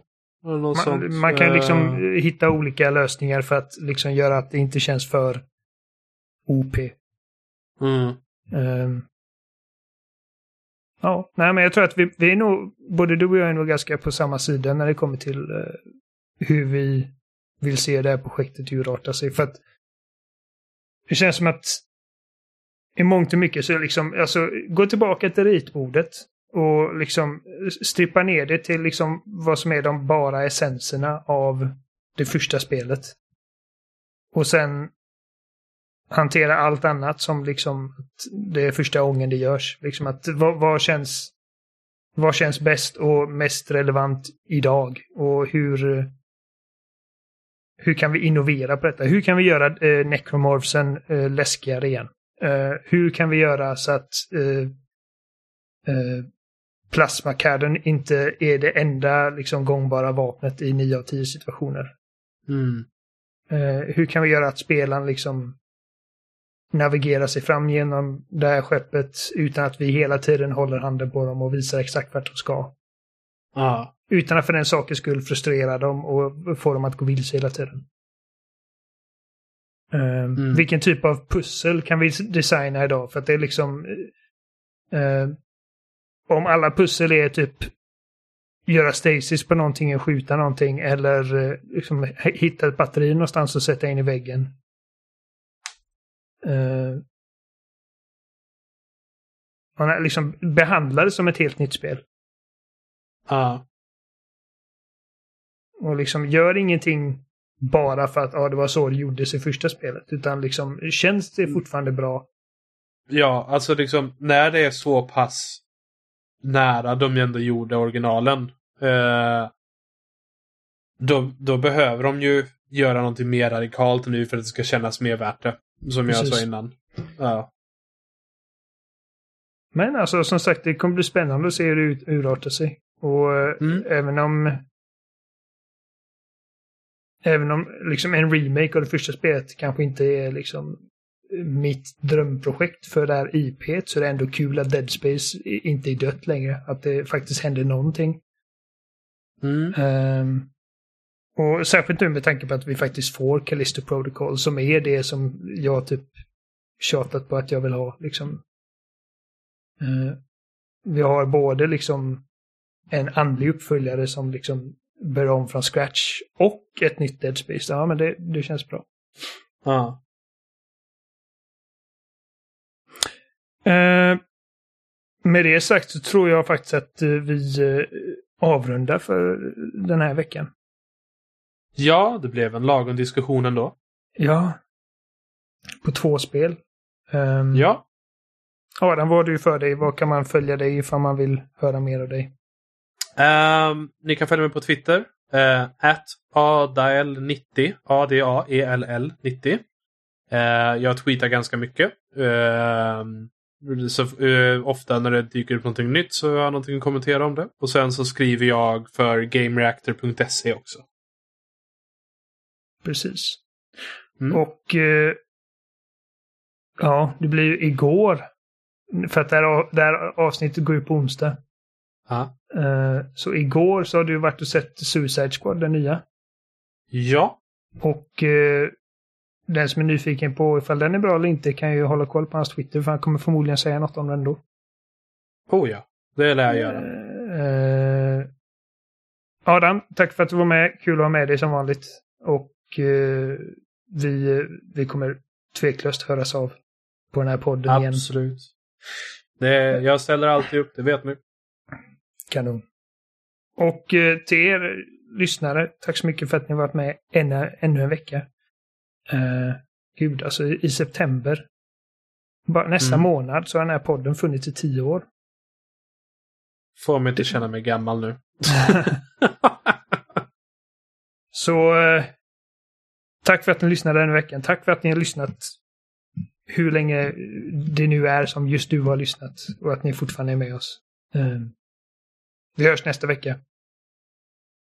Jag orkar inte göra samma rabalder. Alltså, ja, ni vet, ni kan hitta oss på spelsnack.com.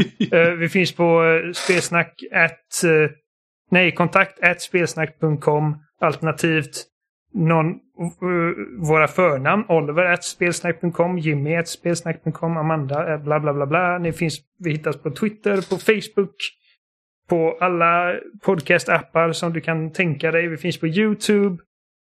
Ehm, Onlyfans. Inte Onlyfans än. Ehm, jag tror det var allt. Tack så mycket. Ha det bra allihop.